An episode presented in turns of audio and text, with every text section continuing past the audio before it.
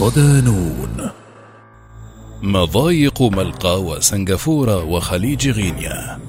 أخطر المناطق البحرية في العالم. مقال لفريق التحرير. ضمن ملف قصة القرصنة. زادت الأزمة الصحية الناتجة عن استمرار انتشار فيروس كورونا بين الناس الصعوبات الاجتماعية والاقتصادية في أغلب دول العالم ما ساهم بدوره في ارتفاع الأنشطة غير المشروعة التي يقوم بها القراصنة واللصوص في البحار. تنامي أعمال القرصنة سجلت أعمال القرصنة السنة الماضية ارتفاعا طفيفا مقارنة بالسنة التي سبقتها حيث شهد العالم حوالي 375 حادثة قرصنة وسطو وهو ما يتجاوز عددها في عام 2019 الذي بلغ 360 خلال عام 2020 احتلت اليونان قائمة الدول الأكثر تعرضا لهجمات القراصنة بواقع 45 سفينة.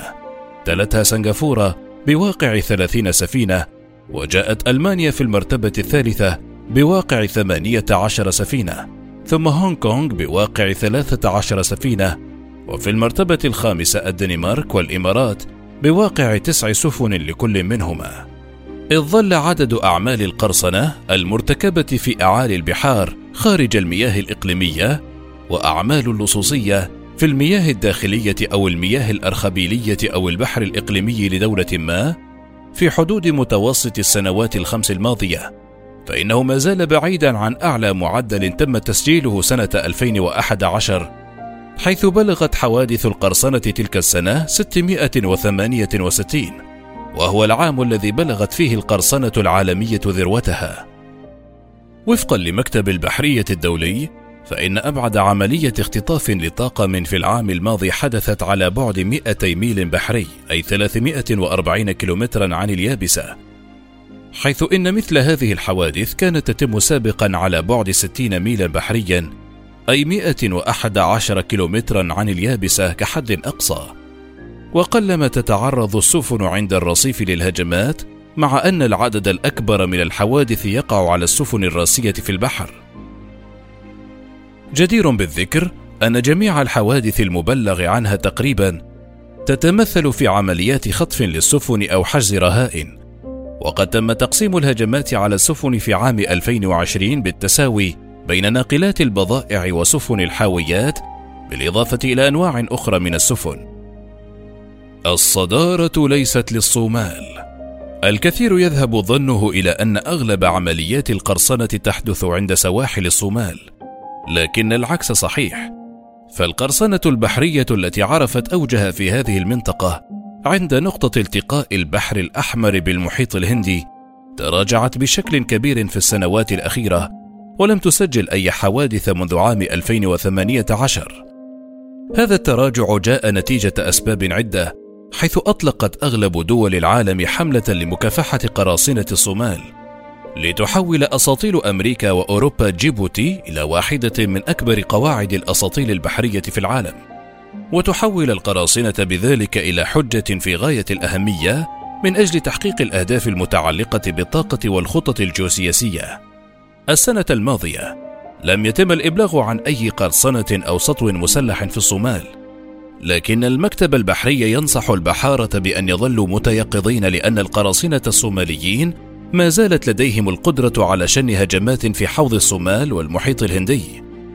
وتعتبر هذه المنطقة واحدة من أنشط المناطق البحرية التي بها أهم ممرات نقل موارد الطاقة حول العالم.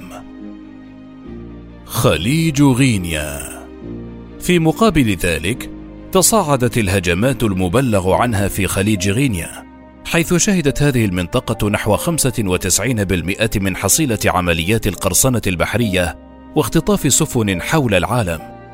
أي أنه جرى اختطاف 135 فردا من أطقم السفن هناك وهو الرقم القياسي الأعلى على الإطلاق.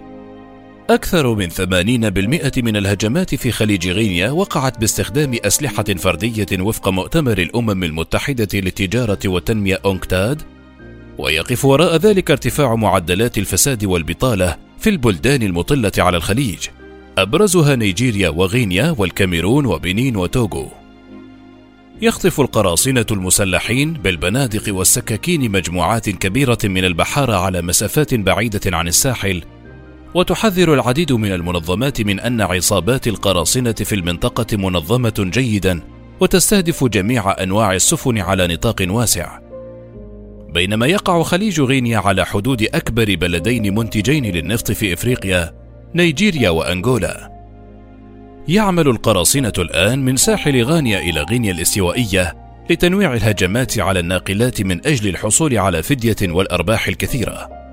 ويمتد الخليج آلاف الكيلومترات من أنغولا جنوبا إلى السنغال شمالا وتعتبر مياهه من أخطر أنواع القرصنة في العالم رغم جهود الدول المحيطة به لمقاومة القراصنة ووضع حد لهم والملاحظ أن القراصنة في السنوات الأخيرة تحولوا من اختطاف ناقلات النفط إلى عمليات اختطاف البحارة للحصول على فدية.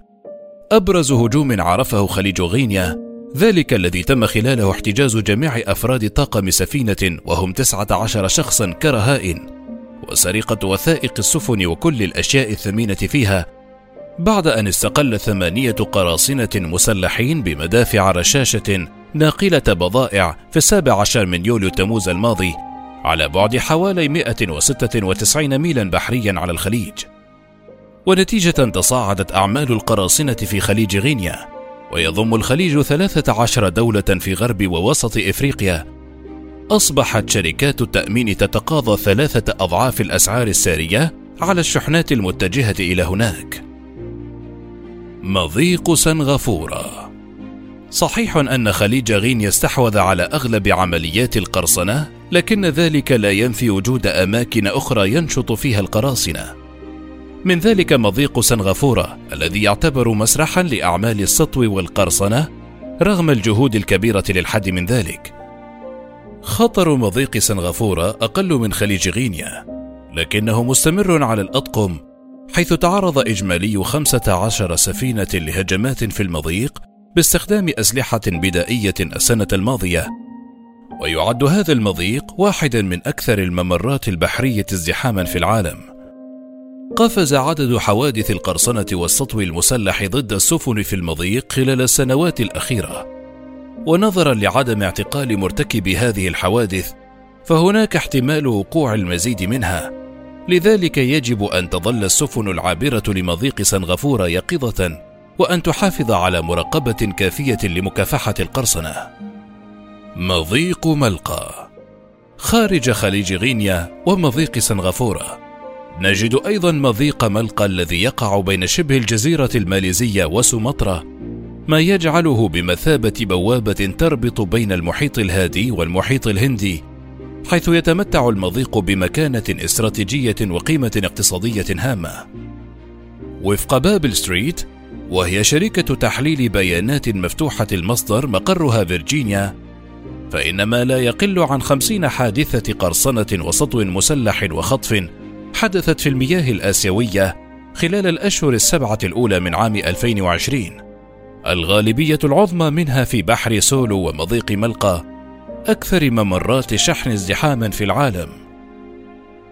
بحر سولو على غرار مضيق ملقا لم تتوقف عمليات القرصنة في بحر سولو وهو تجمع مائي في المنطقة الجنوبية الغربية من الفلبين تفصله جزيرة بالاوان عن بحر الصين الجنوبي في الشمال الغربي ويفصله أرخبيل سولو عن بحر سليبيس في الجنوب الشرقي لطالما كان بحر سولو نقطة ساخنة لعمليات القرصنة واختطاف السفن لكن هناك أسبابا تدعو للتفاؤل فقد انخفضت حوادث القرصنة والسطو البحري هناك في السنوات الأخيرة بسبب التدابير التي اتخذتها كل من الوكالات الحكومية والشاحنين. تنامي أعمال القرصنة البحرية خلف خسائر كبرى، وكانت تكاليفه مباشرة على المساعدات الإنسانية. كما كان له تأثير على الأنشطة الاقتصادية البحرية مثل إنتاج النفط والتأمين والشحن والسياسة وصيد الأسماك ما قلل من قدرة الدول الملاحية على التجارة عن طريق البحر. وغالبا ما تضطر شركات الشحن إلى تغيير طرق التجارة ودفع مبالغ أكبر مقابل الوقود وأقساط التأمين. مما يكلف الاقتصاد العالمي مليارات الدولارات سنويا فضلا عن نواتج أخرى كانت تتحقق من التجارة الساحلية